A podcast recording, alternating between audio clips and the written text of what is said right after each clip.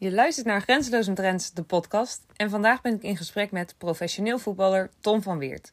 Ben jij benieuwd hoe het leven van een profvoetballer is en wat de hoogte- en dieptepunten zijn van Toms voetbalcarrière tot nu toe? En daarnaast welke keuzes je moet maken als voetballer, zowel op sociaal en fysiek vlak? Je hoort het allemaal in deze podcast. Veel luisterplezier.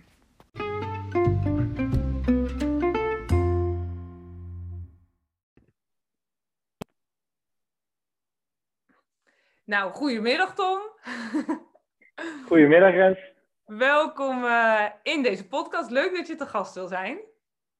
Yes, dankjewel en met, uh, met alle plezier natuurlijk. Kijk, ik zit uh, aan de tafel. Nou ja, jij zit in Griekenland momenteel met Tom van Weert. En um, Tom, kun je jezelf nog even extra voorstellen? Wie ben jij? Wat doe je? Waar word je blij van? oh, die laatste die zag ik niet aankomen. Maar uh, ja, ik ben dus uh, Tom van Weert. Uh, ik ben van beroep professioneel voetballer. En daardoor zit ik nu ook in Griekenland. ik heb eerst lange tijd in Nederland gespeeld, waaronder uit mijn tijd bij Groningen, waar ik jou heb leren kennen. En daarna ben ik nog drie jaar in Denemarken geweest, in Aalborg. En nu sinds deze zomer ben ik in Griekenland terechtgekomen. En als je dan vraagt waar ik blij van word, dan uh, is het toch wel de, de Griekse temperaturen en het Griekse leven uh, buiten het voetbal. Kijk, lekker. Dus naast voetbal ook gewoon de, alles wat erbij komt kijken daar eigenlijk. Ja, dat was een beetje het idee met uh, naar Griekenland gaan. ik had natuurlijk Nederland-Denemarken gehad. Dat is toch wel redelijk vergelijkbaar. Sowieso qua, qua mensen, qua organisatie, qua cultuur. hoe alles geregeld is, qua klimaat vooral wilde ik wat anders. En uh, ja, dat heb ik hier wel gevonden, moet ik zeggen. Alles is anders. En uh, voornamelijk ook, uh, ja, als je nu naar buiten kijkt en er hangt één wolkje in de lucht, dan denk je al van, oh, het is wat bewolkt. En ja, normaal gesproken is het, ja, zou je zeggen van dat het in Nederland fantastisch weer is. Dus ja, het is hier wat dat betreft super. En ben blij hier te zijn. Kijk, mooi. Ja, als hier, hier één wolkje hangt, dan denken we, het is prachtig weer. Ja, en hier zeggen ze al van, oh, het is bewolkt vandaag. De, van, de, van de week iemand die zei van, ja, het is vandaag bewolkt. En toen keek ik echt omhoog van, bewolkt. Daar hangen drie, ja, van die kleine wolkjes, zeg maar, weet je wel. Dus uh, ja, uh, andere klimaat. En uh, ja, tot nu toe bevalt me dat goed. Griekse temperatuur. En we trainen heel vroeg, s ochtends en s avonds laat. Om, omdat het overdag wel op dit moment, vooral natuurlijk in de zomer, heel warm is. alleen ja, ook s ochtends is nog goed te doen. En is lekker zo opstaan, uh, zonnetje op je pan en uh, trainen. ja, is niet verkeerd. Oh, heerlijk. Ja, het is wel... Kijk, mijn volgende vraag, omdat het de podcast Grenzeloos met Rens heet, is mijn volgende vraag vaak aan mensen: wanneer ging jij een grens over voor jezelf? Dus ik dacht, nu je dit zo zei, dacht ik misschien is het ook al wel een, een grens voor jou geweest, een compleet andere cultuur. Maar je kunt ook deze vraag natuurlijk helemaal naar eigen invulling anders beantwoorden. Ja, dat snap ik. Um, grens over. Nou, hier, hier ben ik al een paar keer grens over gegaan. En dat, ja, dat is gewoon voornamelijk het klimaat. Uh, we hebben uh, een aantal weken terug hadden een oefenwedstrijd. En toen was het bij aanvangs, aanvang van de wedstrijd was het nog 42 graden ja, normaal gesproken dan uh, bij de helft, uh, dan denk je al van uh, het is warm vandaag en we, we, lassen een drinkpauze in. nu was het dubbel zo warm en ja, alsof je in een sauna liep. bij, elke, ja, bij elke actie daarna had je echt gewoon droge lucht en een droge keel. En de club was nog zo slim om geen koud water mee te nemen. Dus die hadden lauw water, flesjes water in de bus en uh, vergeten de koelkast te doen. Dus uh, wat ook nog is, uh, de eerste helft ging koud water. Dus ja, dat was wel een dag waar ik een paar keer dacht van, ja, dit, hier ga ik echt over mijn grens heen. En dit is echt tegen het onmenselijke aan wat wij hier aan doen zijn. dus ja, dat, dat schoot mij te binnen toen je die vraag stelde. En ja, dat, dat is de grens die ik hier wel ben overgegaan, inderdaad. Ja. ja, dus naast de letterlijke grens als in de grens over naar Griekenland, kom je daar dus in temperatuurgehalte ook veel grenzen tegen. Ja, en uh, ja, ik, heb, ik denk dat iedereen het wel mee heeft gekregen. De, deze zomer is weer extreem, zoals er overal uh, in de wereld op dit moment extreme uh, ja, weersomstandigheden zijn. Dus hier ook. En dan ook nog met de, de branden die Griekenland geteisterd heeft de afgelopen weken. Dus het is hier heel extreem weer geweest. Ik werd ook wel gezegd van oké, dit is niet wat normaal is voor ons ook niet. En wat elke zomer gebeurt.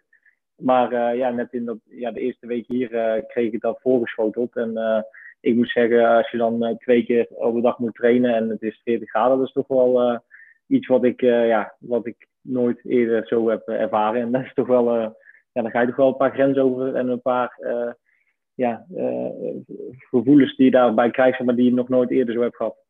Nee, dat geloof ik wel, ja. Want inderdaad, als ik bedenk, als ik in 42 graden moet lopen, dan weet ik me al de pleuris. maar jullie moeten er ook nog eens... Ja, dat, dat is het dus. Ja, dat is het dus. Want het is, uh, er werd al gewaarschuwd van mensen dat ze binnen moesten blijven. Uh, en zelfs, ja, wij moesten zeg maar en naar buiten en dan nog gewoon volledige activiteit voetballen. En uh, ja, ik verbaasd over dat de wedstrijd of niet werd, werd ja, gecanceld of dat die werd uitgesteld.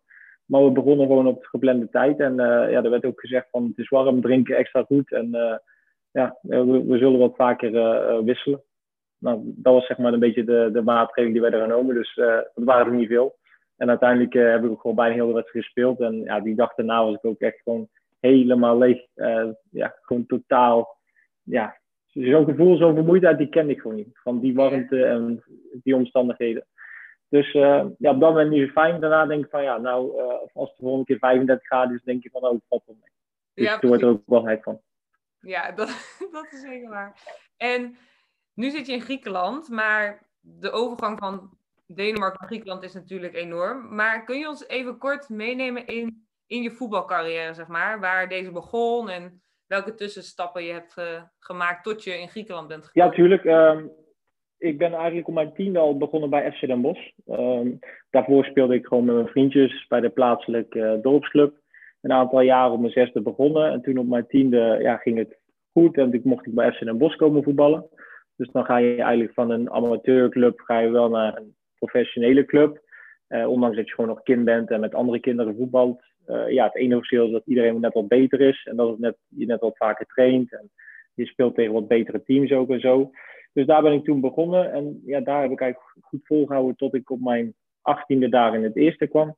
En echt betaald voetbal ging spelen. Uh, ook een contract kreeg. Um, en dat, uh, ja, toen langzaamaan ben ik mezelf uh, door blijven ontwikkelen. Tot ik op een gegeven moment na vijf jaar bij Den Bosch naar Excelsior ben gegaan in Rotterdam. daar kon ik eredivisie gaan spelen. Den Bosch was op dat moment eerste divisie. Dus dat was voor mij een mooie stap vooruit. Um, ja, daar ben ik toe gaan spelen en heb ik eigenlijk twee, jaar, uh, twee seizoenen goed gedaan ook in de Eredivisie. En toen liep mijn contract af en toen kwam uh, een mooi aanbod uit Groningen, uh, wat ik wel zag zitten. En daar tekende ik toen een contract voor drie jaar en uiteindelijk heb ik er twee jaar gezeten. En na twee jaar wilde ik wel eens naar het buitenland en toen kreeg ik de kans om in Denemarken te gaan voetballen. eigenlijk heel toevallig, want mijn vrouw is Deens, alleen dat, ja, die zat in Nederland en die wilde eigenlijk in Nederland blijven. Dus op het moment dat ik die belde dat ze naar Denemarken uh, gingen, was ze nogal verbaasd. En dacht van, hoezo gaan we terug naar Denemarken? Maar ja, dat was uh, op dat moment de enige optie. En het was, uh, ja, take it or leave it. En toen dacht ik van, we gaan ervoor. En daar tekende ik een contract voor drie seizoenen ook. En daar zijn we uiteindelijk ook drie seizoenen geweest. En ja, deze zomer was het weer, oké, wat wilden we nu? En ik zou altijd wel een droom om uh, nog een keer wat zuidelijker te gaan, uh, andere klimaat, andere culturen te ontdekken. En toen uh, deed zich in mei, ergens in mei volgens mij, de, de kans voor om naar Griekenland te gaan om te voetballen. En na weken en wegen ja, hebben we toen besloten om, om die, die kans te pakken. En zodoende zit ik sinds eind juni in Griekenland als voetballer. Wat fantastisch. Wat een, wat een proces. In hoeveel jaar is dat ongeveer gegaan, zeg maar? Dat je vanaf dus FC Den Bosch in het eerste naar nu in Griekenland? Ja, dat is zo'n 12, 13 jaar. Uh, Zoveel stappen. Ja, ja, zeker. En gelukkig in mijn geval uh, toch vaak wel een goede stap. Uh, vanuit Den Bosch naar Excelsior was een klein stapje omhoog. Maar daarna naar Groningen was wel echt een, ja, sportief gezien echt een mooie stap. En uiteindelijk ja, nu mijn tweede buitenlandse uh, avontuur, ook gewoon nog in ja, voetballanden uh, ja, die er wel te doen, waar gewoon uh, ja, goede, goede clubs, goede spelers rondlopen en waar je uiteindelijk ook veel ervaring op doet. spelers uit de hele wereld tegenkomt, mee samenspeelt, verschillende talen leert, hoort.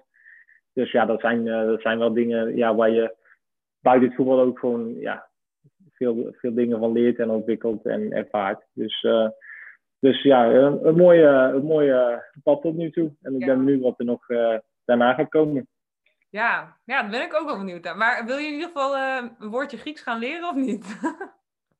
Nou, dat, dat, dat, dat, dat is wel echt een taal op zich. Uh, ik heb uh, Deens geleerd, vrij snel. En ben ik ook blij dat ik dat heb gedaan. En uiteindelijk is dat ook wel nuttig voor mij.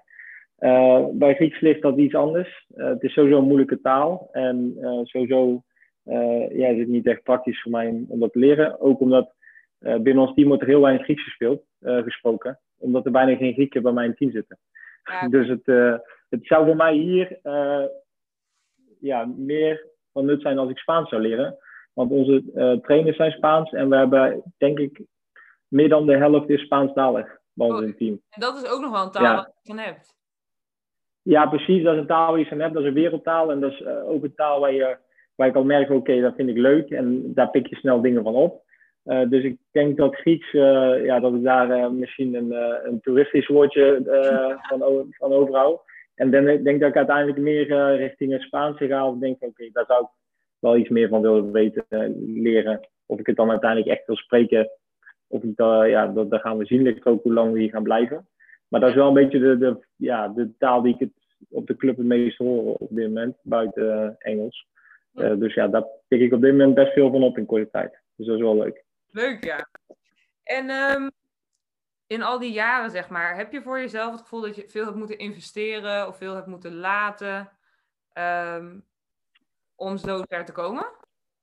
Ja, uiteindelijk toch wel, ja. Uh, en ook uh, als je ook, kijk, als je bij een bos zit en je zegt van nou, ik vind het allemaal best. Dit is, uh, ja, dit is waar ik ben en dus waar ik wil blijven.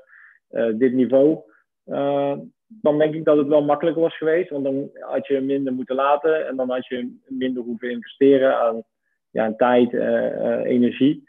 Uh, dan was het wel makkelijker geweest. Maar ik had altijd wel echt wel doelen om ja, stappen te zetten in het voetbal. ja, er liggen zoveel kansen. En het verschil tussen de ene en de andere speler is vaak niet heel groot, kwaliteitsgezien. Maar ja, je mentaliteit, mentaliteit kan dan wel echt een verschil maken. Um, dus ja, als je, op dat moment was ik gewoon alleen maar bezig met mezelf ontwikkelen en proberen verder te komen.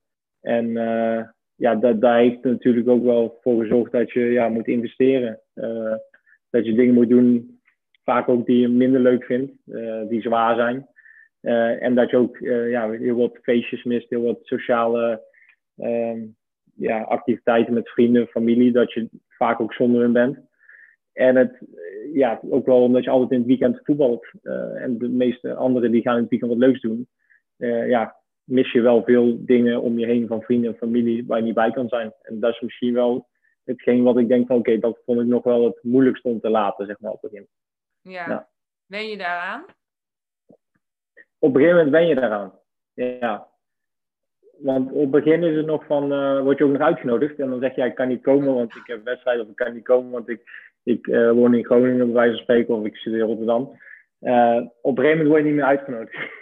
Klinkt heel hard. Maar op een gegeven moment weet iedereen ook van, ja, Tom die, die zit daar, dus die komt toch niet. En uh, ja, als hij toch wil komen dan, dan, en hij kan, dan, dan weet ik dat hij komt, maar ik hoef hem niet meer uit te nodigen. En op, dus op een gegeven moment weet iedereen gewoon van, ja, Tom is niet in de buurt, Tom is daar. Dus, dus op een gegeven moment ben je eraan. Ja. En zolang het ook ja, goed gaat met voetbal en je weet ook wat je ervoor terugkrijgt, dan kun je dat ook wel accepteren. Um, dus ja, dat is ook wel. Kijk, als je op een gegeven moment ziet dat je ook stappen maakt en jezelf ontwikkelt en bij betere clubs kan gaan spelen, dan denk je ook wel: oké, ja, alles wat ik ervoor doe en laat is ook wel de moeite waard. En dat is natuurlijk wel lastig als het op een gegeven moment slecht gaat en je juist bij mindere clubs gaat spelen en het de andere kant op gaat. Ja. Want dan heb je zoiets van: is het wel de moeite waard om dit allemaal ja, ervoor te laten en uh, de tijd en energie erin te steken. Dus uh, ja, dat is ook wel het geluk dat ik inderdaad gelukkig uh, wel sportief ja, nog bij mooie clubs ben terechtgekomen. Ja, want wat zijn zeg maar bijvoorbeeld ups en downs die je hebt meegemaakt in die jaren, waarvan je echt denkt, oké, dat was echt een, een up of echt een down? ja, als je bijvoorbeeld met down begint. Ik had in mijn derde seizoen bij Den Bosch, toen raakte ik heel zwaar geblesseerd. ja, jij bent fysiotherapeut, dus je kent de ja, blessure van de kruisband wel. Dat dat gewoon bijna negen maanden gemiddeld kost als voetballer om daarvan terug te komen. En dan moet je weer ja, je zorgen je oude niveau te halen. En negen maanden in voetballerij is gewoon lang. Want er staan anderen te, trappelen om meer plaats over te nemen. Dus dat was wel voor mij een, uh, ja, mijn grootste down uit mijn carrière. Omdat ik gewoon bijna een heel seizoen eruit lag. Uh, terwijl dat het net heel goed ging en ik juist bezig was om misschien uh, toen al naar een betere club te kunnen. Dus dat was, ja, dat, dat die plannen, die, ja, die, dat plan valt dan in duigen. En dan moet je weer helemaal opnieuw beginnen aan de revalidatie van negen maanden. dus dat was op dat moment wel heel zwaar. En ja, dat is ook wel eigenlijk de grootste tegenslag geweest die ik heb gehad.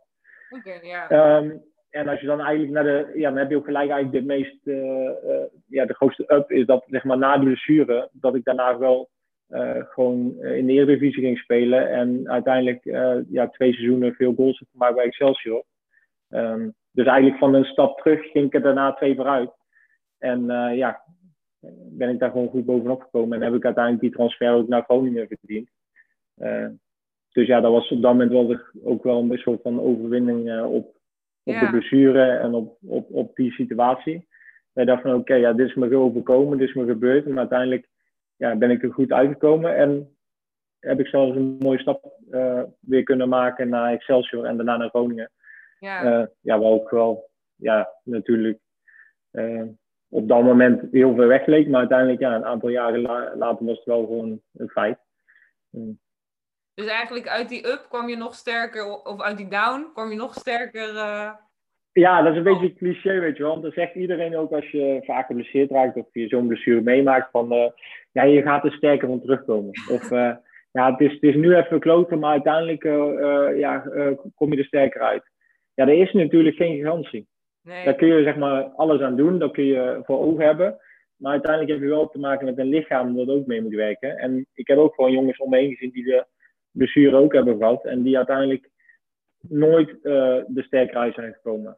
Terwijl dat er ook heel veel aan deden en ook heel hard hebben getraind en heel hard gevalideerd en een goede operatie hebben gehad, maar waar het lichaam gewoon ja, niet, niet meer deed wat ze wat, of niet meer ja, dagelijks trainen aankon of ja, veel klachten uh, gaf.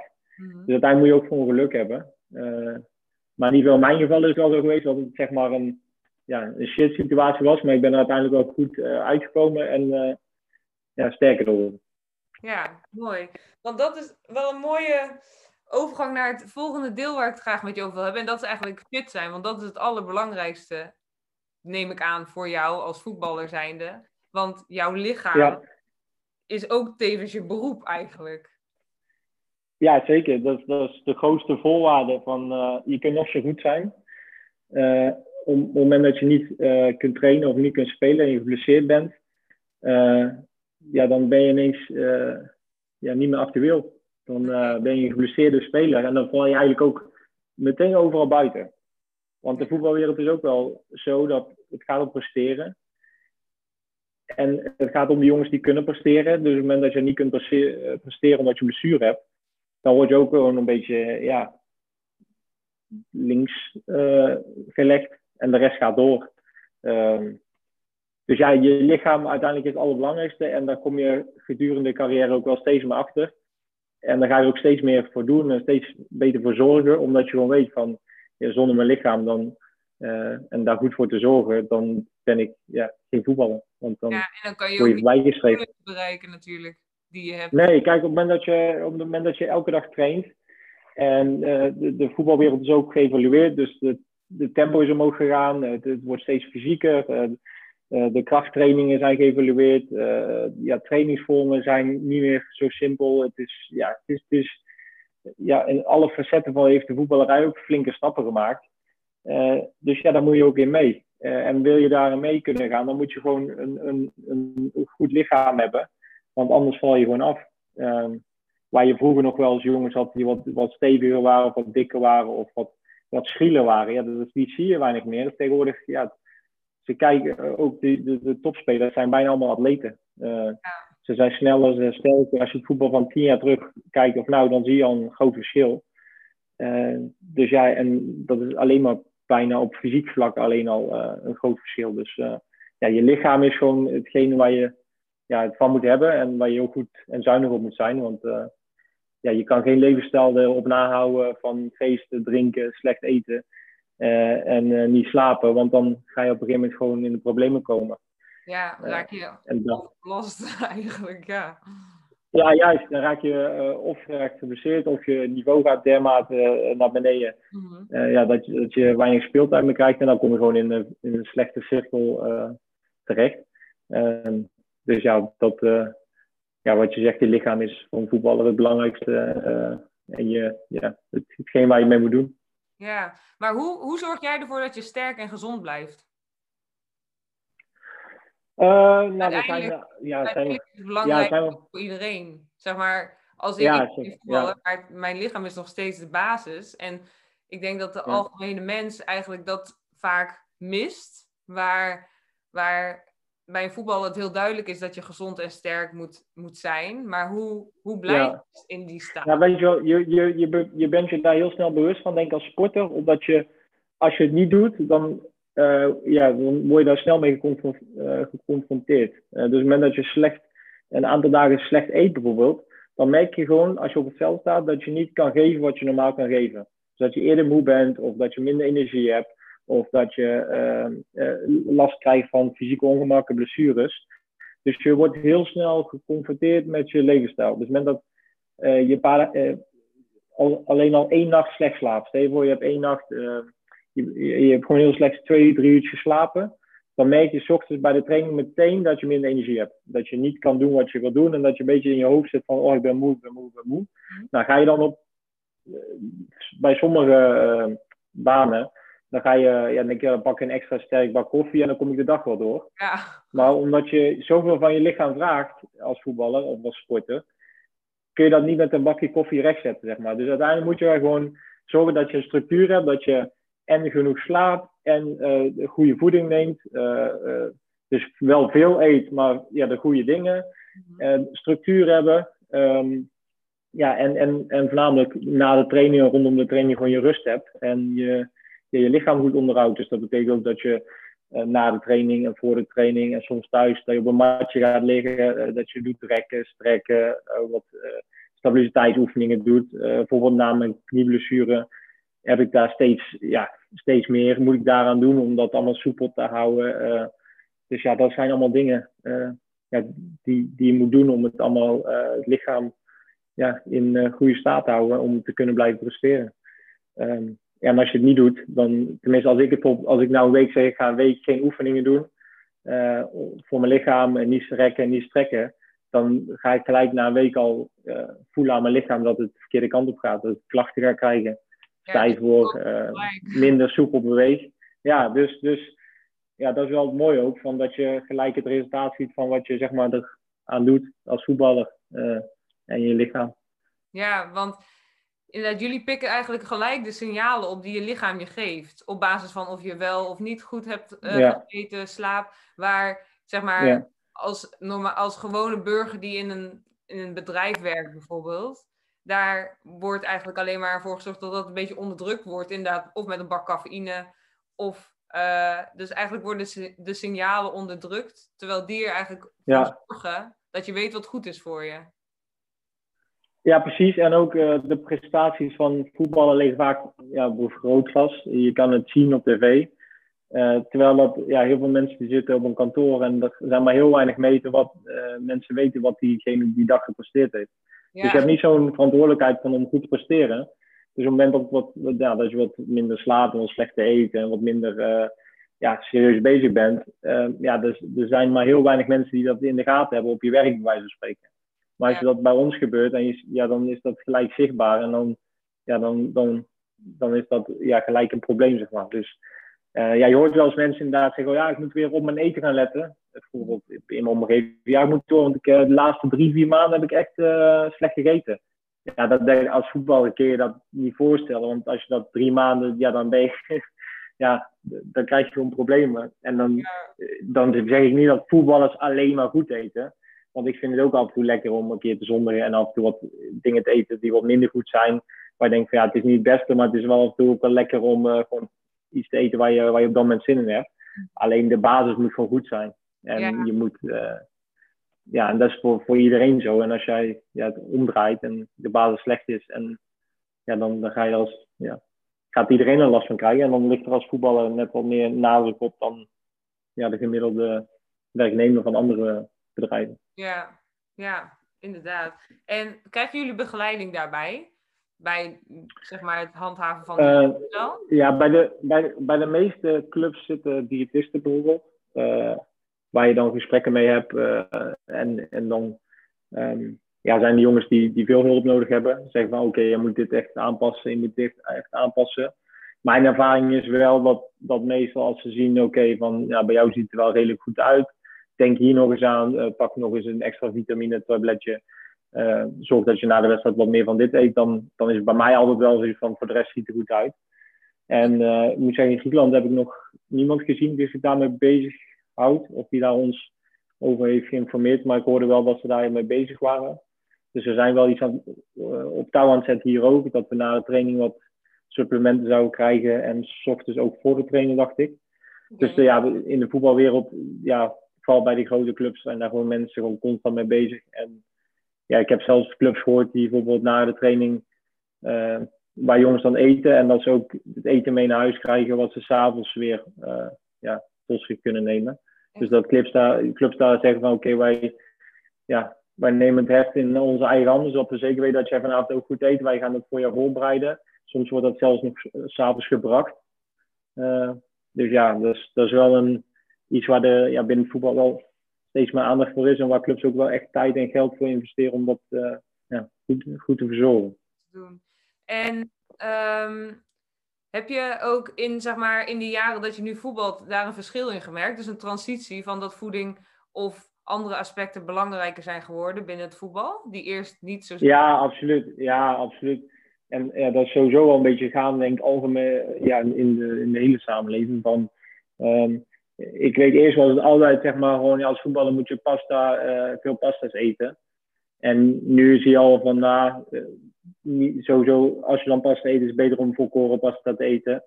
En voor een wedstrijd is het beter om niet te, te veel saus te eten, niet te veel uh, uh, vlees te eten, want dat, ja, dat is gewoon traag in het verwerken.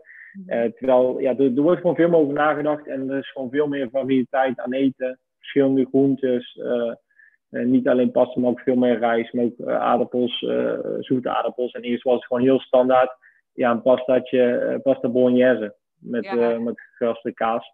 Dat was zeg maar bij iedereen het standaard voetbal voor de wedstrijd het kostje wat iedereen kreeg. Ja, en als je ziet wat wij op het laatste trainingskamp allemaal kregen, ja, dat is veel gevarieerder, veel meer nieuwe groentes, veel meer ja, andere dingen die je tien jaar geleden echt niet op een bord zag liggen bij een voetballer. Dus dat ontwikkelt zich allemaal.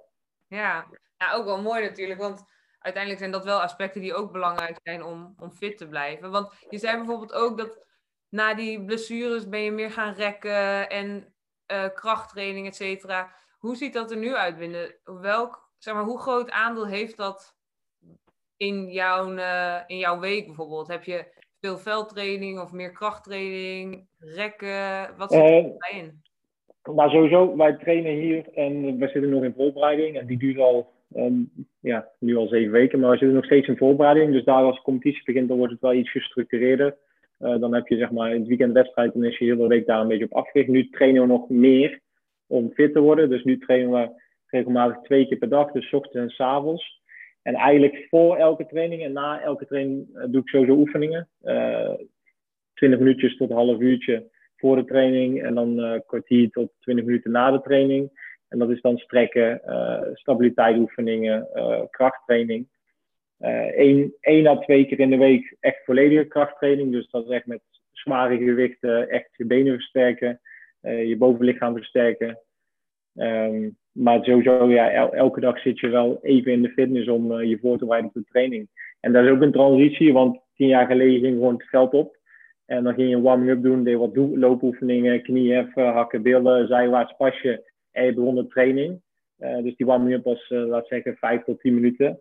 En nu uh, zie je gewoon dat elke training wel ja, minimaal 20 minuten. De start van de training is gebaseerd op ja, het lichaam zeg maar, warm maken. En dat is niet alleen lopen, maar dat is ook ja, allerlei verschillende oefeningen om je, je spieren te activeren en spanning op de spieren te krijgen.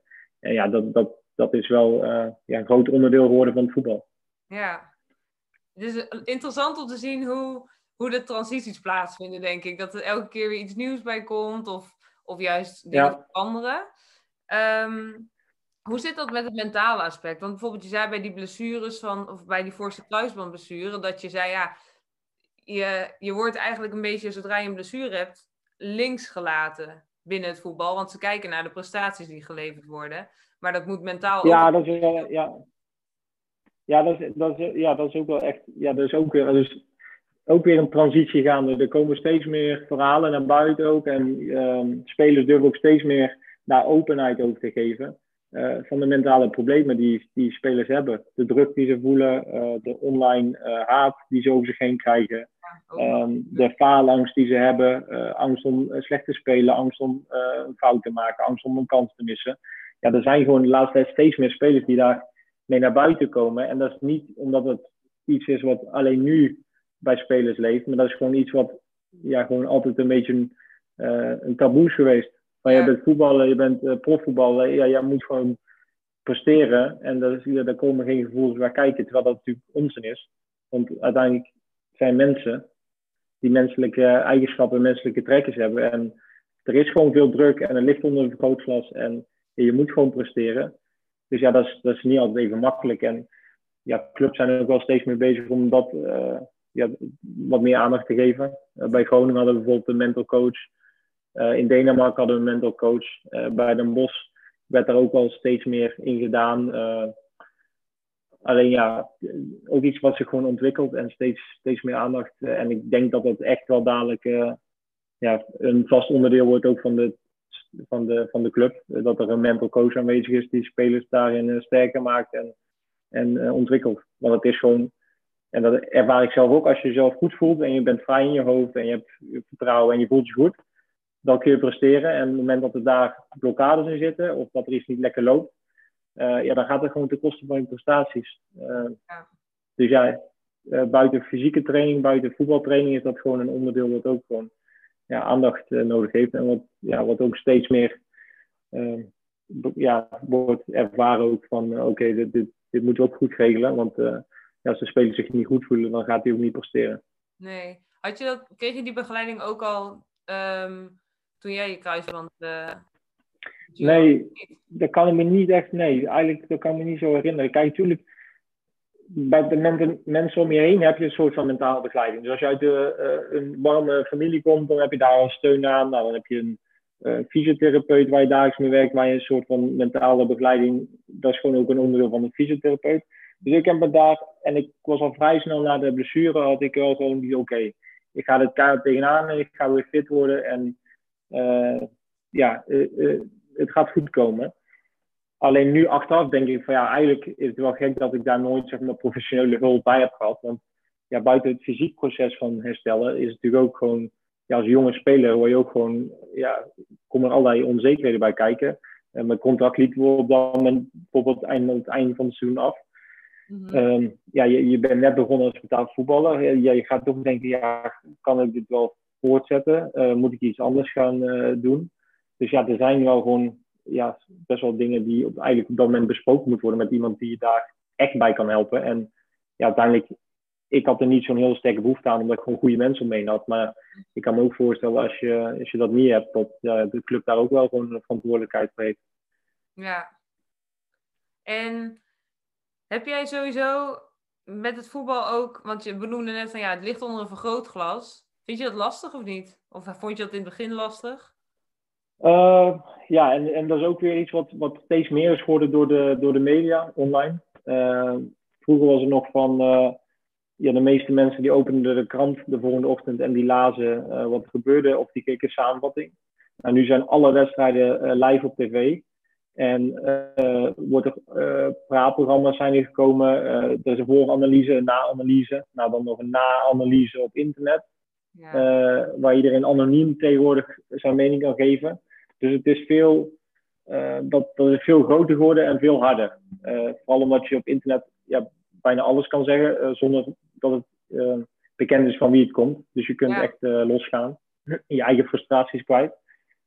dus ja, dat is, en als, Dan heb ik geluk dat toen ik jonger was, de jongere speler, zeg maar, aan het begin van de carrière was dat minder. Maar toch, ja, dat, dat heeft invloed. Als je de krant opent en je ziet van negatieve reacties of negatieve artikel over jezelf, ja, dat is niet fijn. Dat is niet lekker. Daar krijg je geen fijn gevoel uh, bij. Um, gelukkig uh, heb ik nooit echt iets meegemaakt waar ik dacht van, bijvoorbeeld nu dat, dat bijvoorbeeld Steven Berghuis gaat van Feyenoord naar Ajax en die krijgt gewoon haatberichten, dreig, uh, ja, bijna dat ze aan zijn deur staan dat ze hem willen ja, omleggen. Ja, dat zijn wel echt extreme dingen en ja, die zie je steeds meer gebeuren. En ja, daardoor wordt het als voetballer wel zwaarder. En heb ik het geluk dat ik zoiets nooit heb meegemaakt. Nooit echt extreme dingen meegemaakt. En dat ik nu op een leeftijd ben waar ik ervaring heb en ja, weet uh, dat, dat slecht spelen erbij hoort of fouten maken. En mhm. dan kun je er wel iets beter mee omgaan dan op het moment dat je nog nieuw bent, jong bent, nog carrière wil maken. Ja, bang bent om, om te falen of om niet succesvol te worden en iets anders te moeten gaan doen. Dus ja, ja, want er kijken in één keer veel meer mensen met je mee eigenlijk. En die voelen zich ook nog dat zij hun mening vrij uit kunnen geven. Maar... Ja, ja, zo is het wel. Kijk, als jij, als jij in Groningen de stad inloopt, dan gaat er niemand naar jou schreeuwen van... Uh, uh, je hebt gisteren uh, iemand behandeld en die, ja, die, dat was helemaal niet goed gegaan. Dat zal niemand, zal je niet overkomen. Nee. Die kans is heel klein. Maar ik heb wel in Groningen meegemaakt dat ik op de markt liep en dat ik van verschillende kanten werd, niet werd aangesproken, maar gewoon dat aan de andere kant van de weg zelfs geroepen werd van... Hé, hey, Van Weert, ja, dat had wel beter gemogen gisteren. Of er was weer niks gisteren, hè? Alweer verloren, hè? Ja, je bent gewoon publiek figuur, zeg maar. En ja, daar moet je wel mee omgaan op dat moment. En dat is super irritant. Ja. Vooral omdat je zelf natuurlijk al teleurgesteld bent. ja, waarschijnlijk genoeg gedacht hebt aan die situatie van de wedstrijd dat je verloren hebt. Ja, dan word je er ook, als je het moment dat je even zeg maar, ontspanning wil, word je er nog mee geconfronteerd. En dat heel veel mensen denken dat ze het ook mogen omdat je op tv bent. Ja, dat ze mogen zeggen. Ja, dus dat is wel iets, ja, dan, dan ben ik zeg maar nog een, een gemiddelde speler uh, in Nederland. Ja, stel je voor, je bent echt een topspeler. En uh, ja, mensen klampen je overal aan en je bent uh, speler van Ajax of je bent speler bij een topclub in Europa. Ja, dan kan ik me wel voorstellen dat het wel, ja, wel eens benauwend werkt. Ja, dat lijkt mij ook wel. Ja, je krijgt het er gewoon gratis en voor niks bij. ja, en, en je kunt er ook niks aan doen. Dus je kunt er zeg maar boos worden. En je kunt zeggen van ja, dit, dit, dit, hoort niet. En dit... Maar uiteindelijk die mensen die weten, ja, die, die hebben, die weten gewoon niet beter. En die denken, uh, op dat moment kun je er tegenin gaan. Uh, heeft allemaal geen zin. Je kunt het best gewoon proberen zoveel mogelijk langs je heen laten gaan en doorlopen. En, uh, want ja, het, het schijnt toch ja, een onderdeel te zijn van voetbal. Dat, dat dat mag en dat dat normaal is. Leven en laten leven. Ja, juist. Dus als je, ja, dan, dan is het altijd van ja, maar je verdient er genoeg geld mee, ja. Dus omdat je er genoeg mee verdient, dan mag je alles tegen iemand zeggen. Ja, dat is natuurlijk best wel krom, maar zo, zo wordt er wel eens over gedacht. En ja, dat, ja, dat ga ik niet veranderen. Nee, nee, dat wordt een. dat, ik weet niet of die transitie ooit gaat plaatsvinden. nee, kijk, er zal best wel. Er komt steeds wel meer aandacht voor online haat. En dat dat er gewoon iets wel aandacht op moet. Dat dat niet kan en dat dat extreem is en dat dat veel te ver gaat. Uh, dus dat zal op een gegeven moment toch wel, wel een kant op gaan dat het misschien wat, wat, ja, wat maatregelen opkomen. Of dat er ook wel ja, serieus aandacht wordt besteed. Maar op dit moment ga je niet veranderen dat er mensen iets tegen mij zeggen als ik het fout heb gemaakt. Dat, nee, ja. dat hou je zo. Ik, zoek het, ik ga het niet opzoeken, maar ik ga het ook niet ontlopen. Nee, nee, dat snap ik. En um, je hebt natuurlijk ook nog een leven naast voetbal of naast voetbal. Um, gelukkig wel, ja. Gelukkig wel. Maar stel je zou niet hebben gevoetbald. Heb je dan een enig idee wat je wel had willen doen? Of wat, zijn, wat andere hobby's en interesses zijn? Uh, ja, dat is wel, die vraag wordt wel vaak gesteld. Ja, ik moet zeggen, kijk, als je jong bent en je in mijn situatie, dan, dan zal de, de meeste voetballers hebben, ja, maar ik, heb daar niet over nagedacht, want ik ging profvoetballer worden. Nou, bij de meeste is dat dan niet gelukt. En die zijn zeg maar, ja, op een gegeven moment dan genoodzaakt om erover na te denken. En dan ga je toch wel je andere interesses eh, vinden. Uh, ja, ik heb nooit geweten precies van oké, als ik niet voetballers worden, dan was ik nu aan het werk als dit. Ik had wel interesses. Ik vond bijvoorbeeld uh, affectie met sport natuurlijk. Dus ik dacht misschien. Ik heb wel eens gedacht sportleraar, ik heb gedacht sportfysiotherapeut, heb ik gedacht um, voor een groot sportmerk werken als ja, accountmanager, als salesman. Zulke dingen kwamen bij mij allemaal wel binnen. Alleen uiteindelijk heb ik daar nooit dieper om nagedacht, omdat ik ja, op dat moment gewoon met voetbal bezig word. En op een gegeven moment ging het ook vrij goed. Uh, ik heb wel gewoon maar, uh, ik heb wel tijdens mijn carrière een HBO, uh, HBO-diploma gehaald. Dus ik heb wel, ja, ik ben wel opgeleid en ik heb daar ook wel, als ik stop met voetbal, een diploma waar ik ook weer verder mee kan. maar ja, als je mij op dit moment ook weer vraagt van wat, wat wil je dadelijk worden als je stopt met voetbal, ik ben er nog niet over uit. Nee, dus dat, je leeft nu en dat vind ik ook wel leuk. nee, kijk, alle ervaringen die je nu opdoet en ik heb een opleiding en ik, ik heb ja, lange tijd in voetbal rond, uh, voetbalrij rondgelopen nu. Dus ja, dat, dat opent daar wel weer andere deuren. En daar ben ik van overtuigd. En dan uh, zien we over een aantal jaar, als het een moment er is, dan denk ik dat uh, vrij snel. dan ga ik gewoon dingen proberen en dan ga ik kijken waar, ja, wat ik leuk vind. Ja, en ik denk dat dat ook wel heel mooi is. En ook iets voor luisteraars om mee te nemen. Dat uiteindelijk doe jij gewoon wat je heel leuk vindt en waar je energie van krijgt en waar je blij van wordt. Absoluut, ja. En dat ja. is dus, en dus een nieuw avontuur aangaan, maar ook de sport beoefenen wat jij al jaren leuk vindt. Dus ja, ja. ja. kan eigenlijk. Ja, en daarom is zeg maar, nee, precies, en daarom ook een, een brochure, ja, dat overkomt je, maar omdat je het voetbal zo leuk vindt en dat het je passie is en je droom als jonge jongen om dat te worden, uiteindelijk kom je daar ook gewoon door die passie overheen. Omdat ja, het gewoon liefste wat je doet is over veld gaan en voetballen. En natuurlijk, er zijn als voetballer heel veel dagen waar je ook dingen doet waar je minder leuk vindt. En dat je weer vroeg naar bed gaat als er iets leuks is. Of dat je uh, in 40 graden staat te voetballen. Of ja, er zijn heel veel dingen die minder leuk zijn. Maar uiteindelijk is dat gewoon de moeite waard. Omdat het gewoon je, ja, je passie en je, je, ja, je, je beroep, ja, van je hobby heb je eigenlijk je beroep gemaakt. Dus, uh, ja. En dat is voor iedereen natuurlijk. Als je dat kan vinden in het leven. Dus dat je zeg maar naar je werk gaat met het idee van ja, dit is eigenlijk wat ik het liefste doe. Dan ga je al die mindere aspecten die er ook zeker zijn, dan ga je gewoon ja, overwinnen. Of dan denk je daar niet te veel over na. Dus ja, probeer dat te vinden, zou ik zeggen. Nou, ik denk dat dat een fantastische afsluiter is en advies van, uh, van dit gesprek. Die steken we in Yes. de Ja, die moet je, ja, dat kan op een tegeltje. Ja, die kan op een tegeltje. Tom van Weert. ja, Tom. Copyright Tom van Weert. Ik denk dat ik niet de eerste ben die dit heeft gezegd, dus eh, ik denk dat er al wel tegeltjes van zijn. En uh, ja, uiteindelijk is zo, al die clichés, dat zijn vaak wel een beetje toch wel de dingen, ja, daar zit wel veel in. Toch een beetje waar, ja. Nou, top. Ik uh, wil je bedanken voor al je inzichten en je openlijke informatie. En, uh, ja, graag gedaan. Bedankt voor dit leuke gesprek. En ik wens je heel veel plezier met het nieuwe avontuur. En veel succes natuurlijk in Griekenland. Dankjewel. Bedankt dat ik er mocht, bij mocht zijn. Kijk, graag gedaan.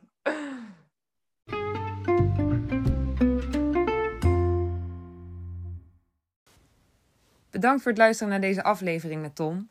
Om op de hoogte te blijven van Toms voetbalavonturen kun je hem volgen op Instagram en dat is Tom van.